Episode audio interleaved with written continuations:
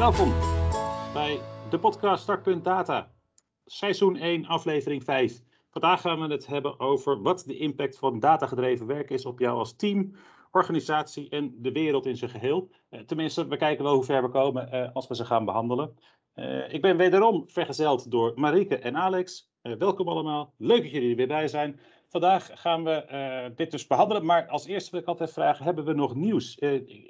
Heel asociaal als ik ben, begin ik gewoon meteen met mezelf. Ja, ik heb nog wel een nieuwtje. Het blijkt vandaag, eh, werd dat bekend. En vandaag eh, eh, is 8 juni. Werd bekend dat de Nederlandse overheid, of in dit geval de politiedatabase, is gehackt door Russische hackers. Waarschijnlijk ook de overheid. En die hebben mee kunnen kijken tijdens het onderzoek naar MH17. Twee dingen vielen me hierbij op. Het allereerste was, jeetje, dat is best lang geleden alweer dat ze dat hebben gehackt en dat het nu pas bekend is. Dat was het eerste wat me opviel. En het tweede was, ja, hier zie je dus wederom de noodzaak dat dit grote maatschappelijke impact heeft en dat we dus ook eh, qua, vanuit de overheid, wat mij betreft, nog steeds meer sturing mogen krijgen of eh, richting mogen gegeven worden aan hoe wij onze data beveiligen en hoe wij eh, ongewenste mensen kunnen laten meekijken. Dus dit is wederom wat mij betreft een predicaat voor overheidsregulering. En dus ook een minister van online. En jullie, wat hebben jullie? Nou, in het kader van overheidsregulering. Ehm, twee eh, nieuwtjes. Een eerste van, de, van iets verder van huis.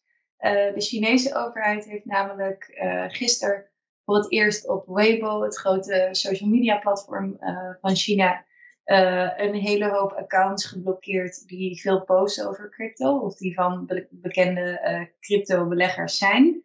Um, en dat wordt door experts ook wel um, gezien als het begin van het einde van de vrijheid van de cryptomarkt in China. Um, en nu is het zo dat de, dat de Chinese overheid zelf ook werkt aan een crypto-variant van de yuan, van de Chinese munt.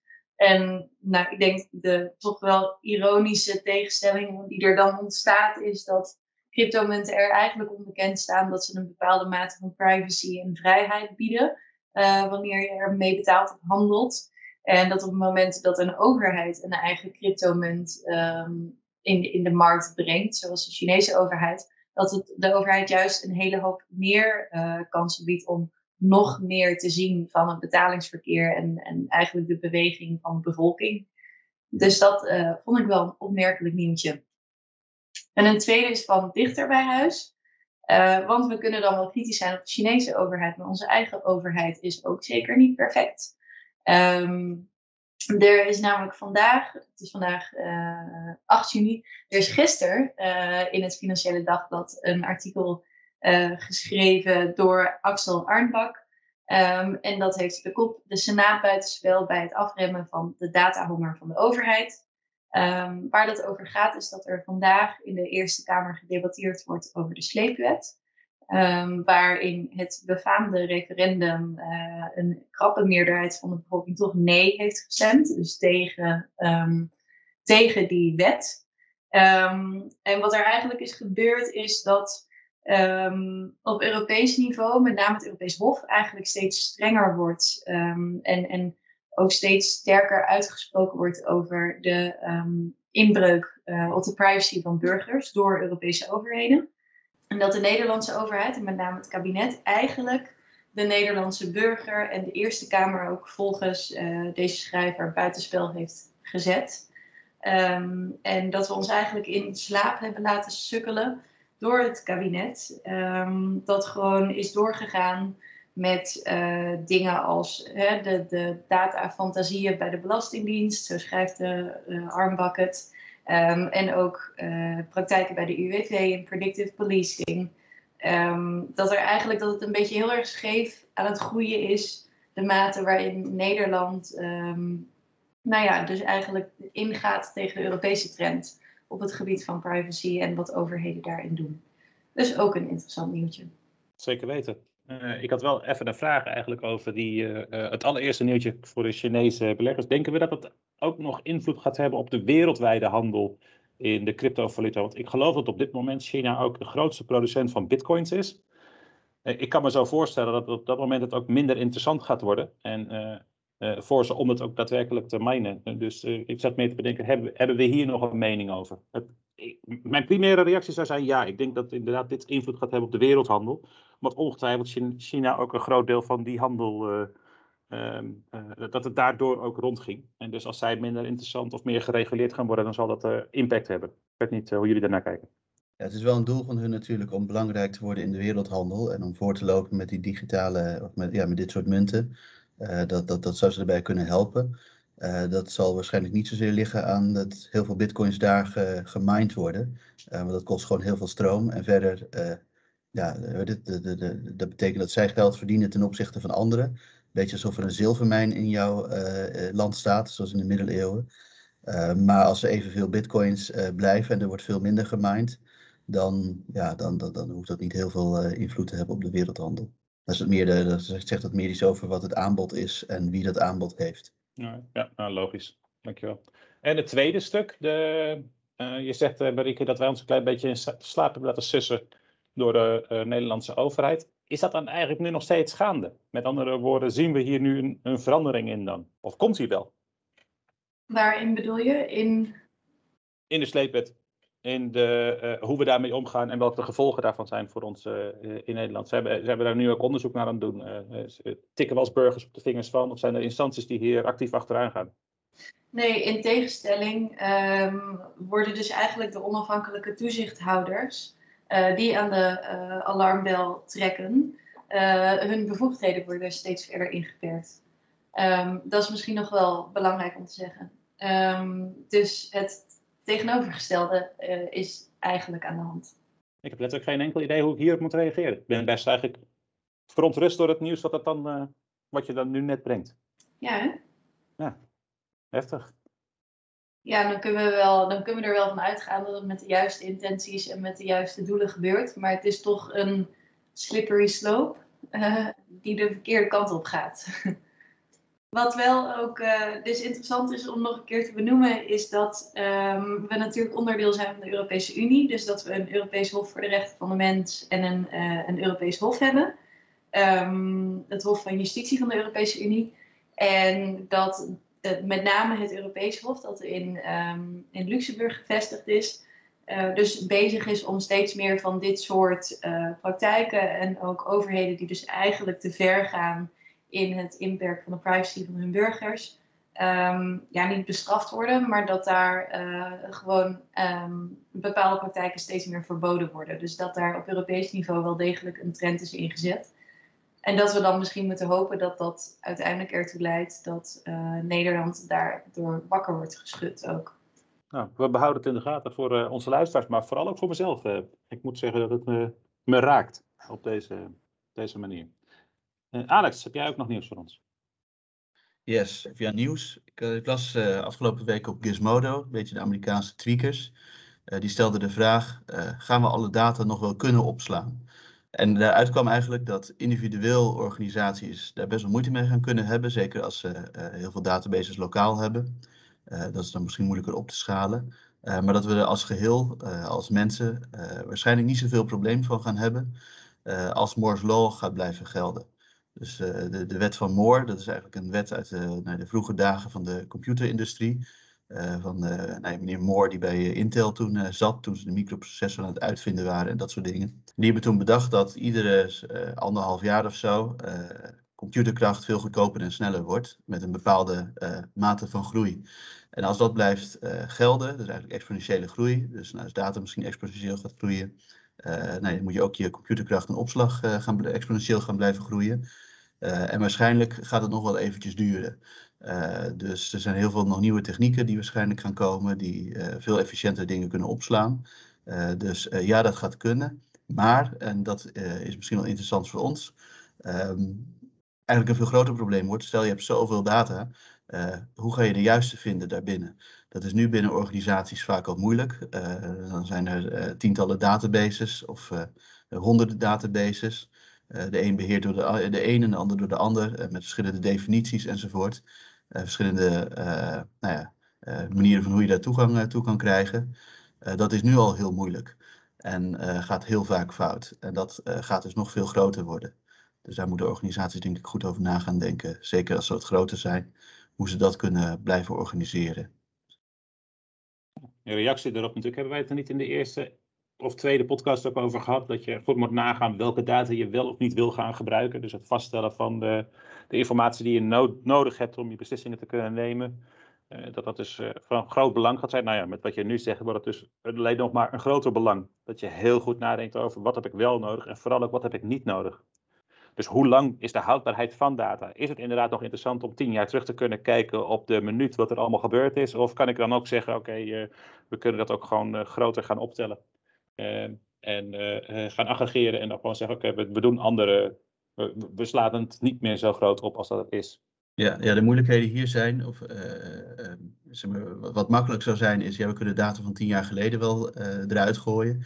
Is dat er tien jaar geleden veel minder data verzameld werd. En dus, dat je dus eigenlijk telkens steeds minder eruit gooit dan wat je nou ja, nieuw, nieuw verzamelt. Zeker als dat een beetje exponentieel groeit. Uh, dus dat, dat, ja, dat, dat lost dat probleem even een klein beetje op. Wat hier moeilijk is, is dat het uh, vaak heel moeilijk te bepalen is van tevoren of als je data verzamelt, uh, van welke data je wanneer nodig gaat hebben. Want als je dat puur beperkt tot wat heb je nodig om beslissingen te nemen, dan is dat vaak een stuk minder dan als je ook naar operationele analyses daarachter wil gaan kijken. puur een beslissing van meer of minder geld inzetten op een bepaalde marketingcampagne. Uh, daarvoor heb je eigenlijk maar een paar uh, datapunten nodig om die beslissing te kunnen nemen, strikt genomen. Als je wil kijken waarom uh, een marketingcampagne niet zo goed loopt, wat je misschien ook een input wil gebruiken, dan zou je veel meer data moeten hebben en weet je van tevoren misschien niet welke. Om te kunnen achterhalen van waar ligt dat nou aan. En daar, dat, dat, dat blijft een moeilijke vraag. zeker als er vanuit vreselijk veel nieuwe bronnen met meer Internet of Things-achtige uh, ja, situaties uh, nou ja, dingen binnenkomen, dan wordt het uh, alleen maar moeilijker kiezen. In navolging daarop heb ik nog eens een vraag die me nu te binnen schiet. Dus ik kan me voorstellen als we daar even nog over moeten nadenken, dan wel op een later moment beantwoorden. Um, de, de, manier waarop wij informatie opslaan, um, die houdt rekening, neem ik aan, ook met verbanden. Dus database 1 houdt verband met database 2 op een bepaalde manier op een bepaalde manier, is het dan nog wel mogelijk om data ook daadwerkelijk te deleten of te verwijderen en die ruimte beschikbaar maken als is zo'n verband dan ineens weg? Of is eigenlijk die andere database dan ook onbruikbaar geworden? Of uh, blijft dat gewoon, ja, dat moet ik los zien, uh, uh, Rogier, dat, dat moet je anders bekijken, zo werkt dat niet. In principe kan dat. Dat probleem dat hebben we nu, het probleem is misschien eigenlijk wel heel goed, uh, dat hebben we nu ook al uh, met uh, datavergeetverzoeken. Het verschil is of je eigenlijk regels verwijdert dus stel je hebt een database met personen, dan kan in je tabel iedere persoon een eigen regel hebben. En daar kun je personen uithalen en dan blijft het systeem nog staan. Dan kun je wel een andere aan de hand van hoe je de boel ontworpen hebt en hoe je architect dat gedaan heeft, kun je hebben dat dingen op een gegeven moment niet goed gaan matchen. Maar het is nu bijna toch al altijd zo dat er dingen niet goed matchen. vanwege foutjes of, nou, of wat dan ook eigenlijk, veranderingen in hoe er opgeslagen wordt. Je, je, hebt zelden een, een, database met meerdere tabellen waar alles 100% goed matcht. Dus dat is, ja, dat probleem dat wordt dan in principe groter, maar dat, ja, je behoudt hetzelfde probleem en je moet het toch altijd doen. De andere vraag is of je dan misschien hele stukken data, dus niet regels, maar kolommen of, het, of tabellen gaat kunnen verwijderen. Als je kolommen verwijdert, dan hangt het vanaf of die kolom verbonden is als key uh, in je database met andere uh, tabellen. Als het niet zo is, dan, uh, ja, dan kun je dat in principe doen zonder dat het systeem in elkaar kukelt. Als je tabellen gaat verwijderen, dat kunnen wel sleutel tussenstukjes zijn tussen andere tabellen. Zeker als het meer op een IT-achtige manier ja, ontworpen is. Dus in, het, met ja, een bepaalde mate van hoe je het normaliseert. Dus hoeveel, hoeveel je probeert alles in één tabel te zetten of uh, alles uit te uh, splitsen in, uh, in aparte tabellen. Dus stel je hebt een tabel met orders, ga je daar ook de klantinformatie en ook de, de productinformatie in zetten. Vaak niet. Dan heb je, zeg je, deze order is door klant-ID A gedaan met product nou ja, 2 of zo. Um, Nee, dat, dat, dat valt er wel mee, maar dit kun je enorm ver uitsplitsen tussen producten en versies en jaartallen en zo van producten. En als je daar dan stukjes uit gaat halen, dan kan het inderdaad zo zijn dat, dat, ja, dat, het, ja, dat het niet meer gaat werken. En dan de laatste vraag die hier in, in, ook wederom in mij opkomt. In, in hoeverre moeten wij als bedrijf hier nou iets mee?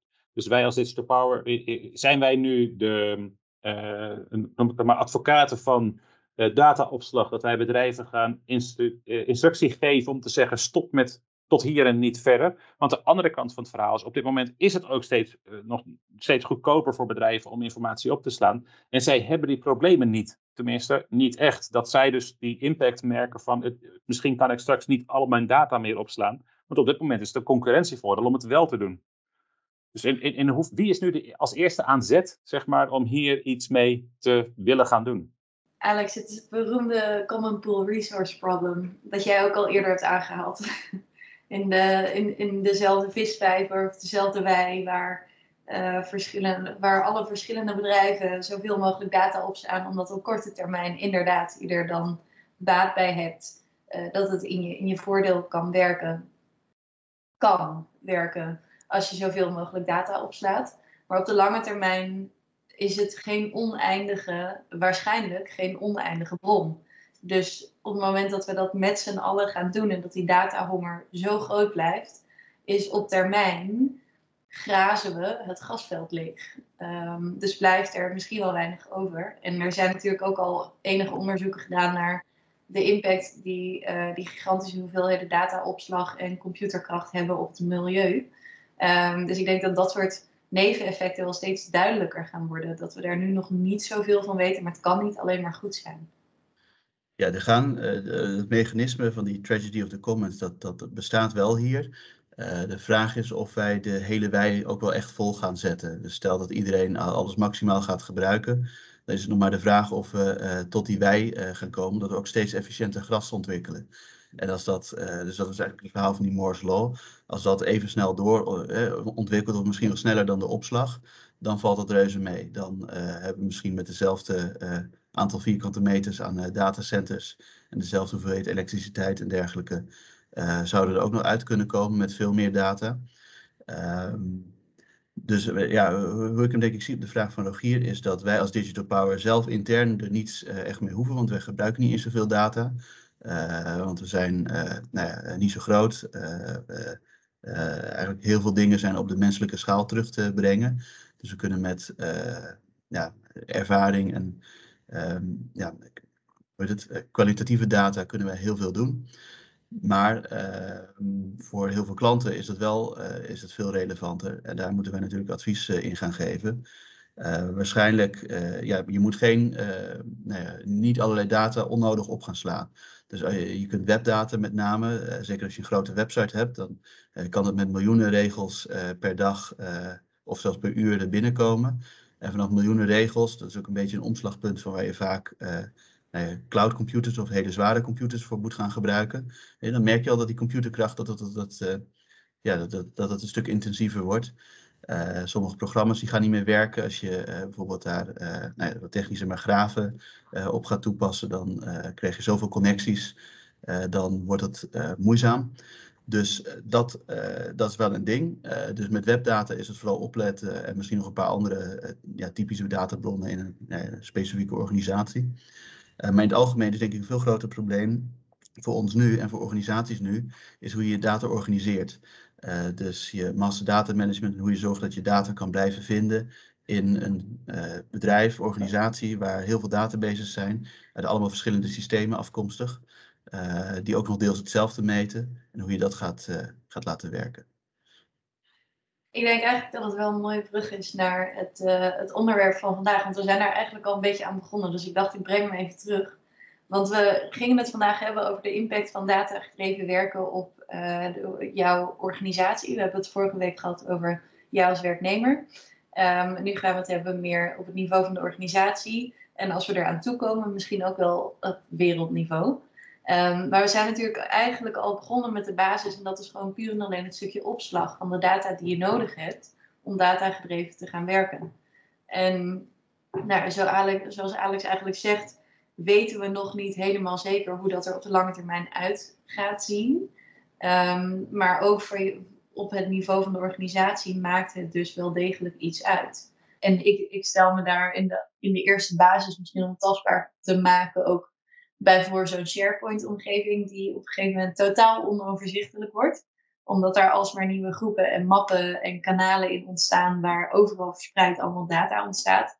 Maar dat is natuurlijk de meest basale variant misschien uh, die er wel is.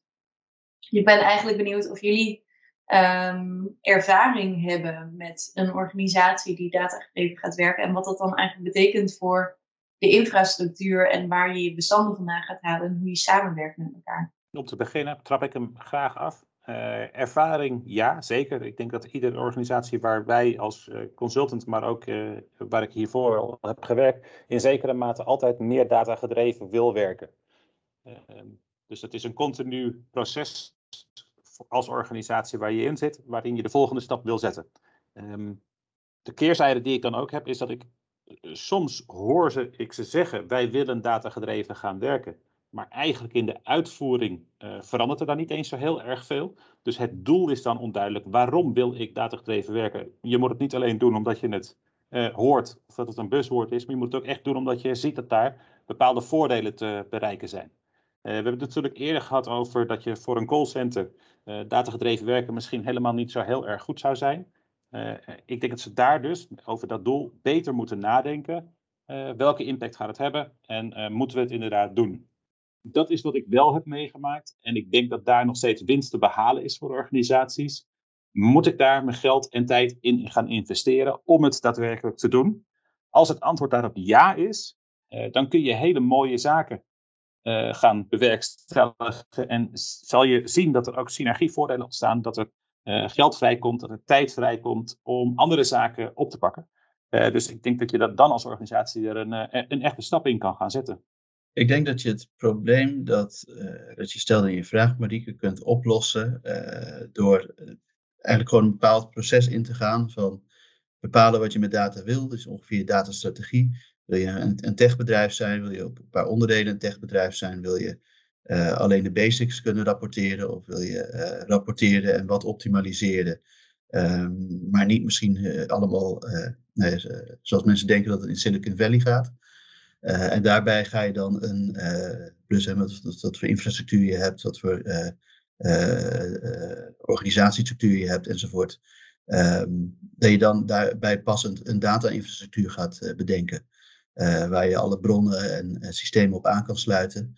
waar je rapportage uit kan trekken. En, ehm, nou ja, enzovoort, enzovoort eigenlijk.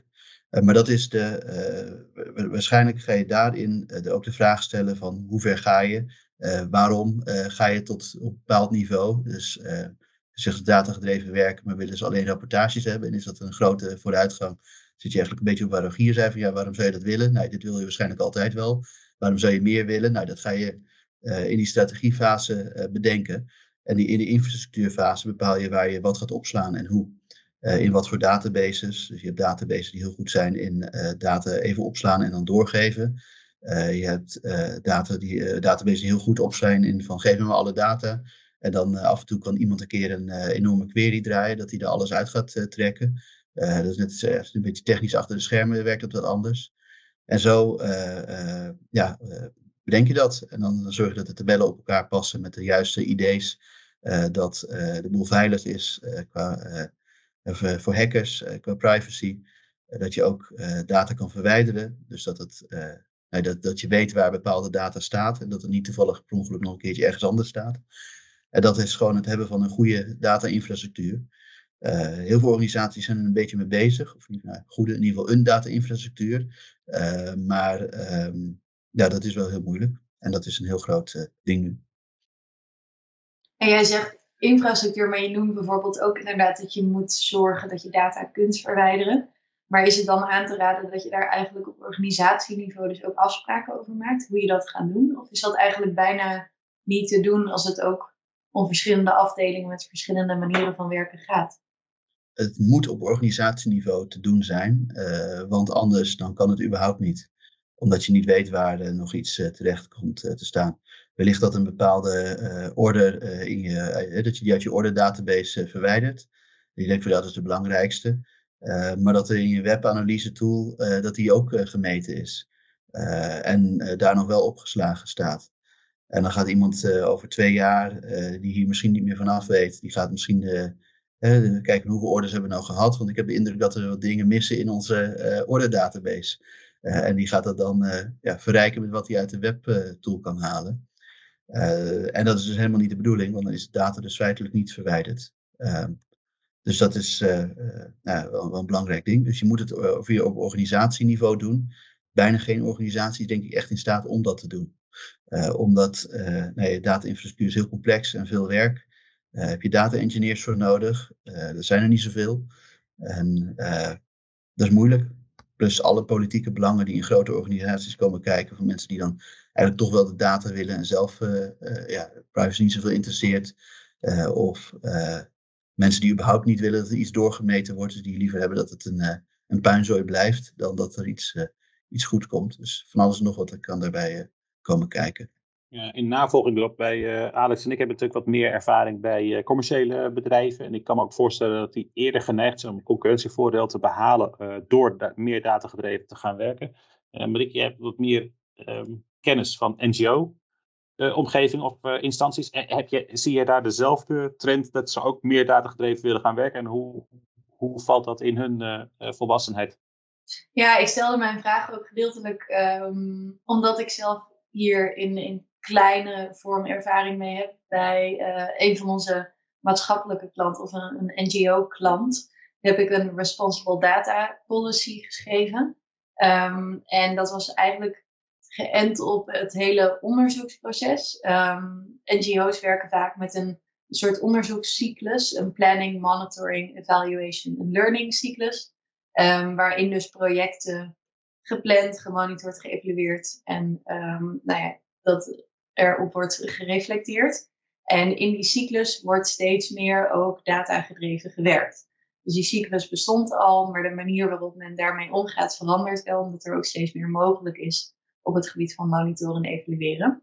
En het verschilt nogal per, uh, per organisatie in hoeverre men er eigenlijk wel de middelen en ook de kennis en kunde voor in huis heeft om het te kunnen doen. Ik denk dat daar een heel groot verschil ligt met meer commerciële bedrijven, dat die vaak gewoon meer in staat zijn om hier een grote slag in te slaan. Um, en dat op het niveau van een kleine NGO je je soms ook kunt afvragen waar um, de winst precies te halen is. In hoeverre het echt heel veel gaat veranderen als jij, um, nou ja, het kan zijn, ik denk een hele hoop projecten, ik zal een voorbeeld proberen te bedenken. Projecten die gericht zijn op, um, op het delen van informatie of het, het zorgen dat vrouwen hun weg naar een abortuskliniek vinden, bijvoorbeeld. Dat zijn projecten die je in zekere zin natuurlijk wel kunt monitoren en evalueren aan de hand van data. Maar er zit vaak heel veel rijkdom in de interactie uh, met de vrouw waar het over gaat. De gesprekken die je voert en uh, focusgroepen worden er dan gehouden waarin er discussies ontstaan. En dat is wel data, maar de vraag is in hoeverre het zin heeft om daar echt een volledig geautomatiseerd proces aan op te hangen. Omdat er dan juist heel veel informatie in dat soort gevallen ook verloren gaat. Um, dus ja, je ziet wel degelijk dat men het interessant vindt en dat data ook vaker echt een onderdeel wordt van een project zelf.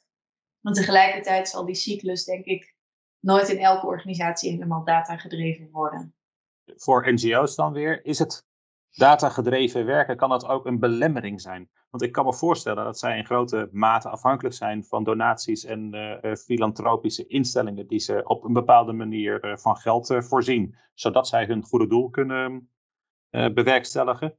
Ehm, maar ik kan me ook voorstellen dat als er dan te datagedreven gewerkt gaat worden, dat dan een deel van die funding mogelijkerwijs zou kunnen stoppen omdat het niet bewezen kan worden of juist niet bewezen is uh, dat het doel wat ze willen nastreven ook behaald wordt. Ja, dan kun je inderdaad afvragen of dat, dat eraan ligt dat het doel dat zij wel of niet bereiken niet goed gemeten kan worden. Of dat het daadwerkelijk niet bereikt is. Dus dan is inderdaad de vraag: wanneer maak je dan de keuze um, om te zeggen: alles wat ik doe is te vatten in data en je mag me beoordelen of je kunt me ook beoordelen op basis van wat je terugziet um, in die data. En dat is, ja, dat is denk ik een, een geleidelijk proces waar je in zit. Misschien is het ook geen lineair proces, want wordt het niet steeds meer, maar is het gewoon aftasten wat er wel niet mogelijk is. En ik zou zeker zeggen dat er een gevaar op de loer ligt dat je inderdaad dus niet in data kunt aantonen wat er daadwerkelijk gebeurt. Omdat je het vaak als NGO ook over een bepaalde maatschappelijke impact hebt. Ehm, en die ligt vaak op zulk, zulk groot en ontastbaar niveau dat je bijna niet kunt meten wat daar jouw bijdrage aan is geweest als uh, individuele organisatie. Dus dat maakt het heel lastig. Dus je hebt het dan vaak veel sneller over het aantal activiteiten dat je organiseert, het aantal um, producten dat je rondstuurt, het aantal lessen dat je geeft. En dat kun je dan nog op um, niveau van de gebruiker of je doelgroep kun je wel meten wat daar het effect van is geweest. Maar je hebt vaak een groter maatschappelijk doel in gedachten en jouw specifieke bijdrage daaraan is heel lastig in data te vatten.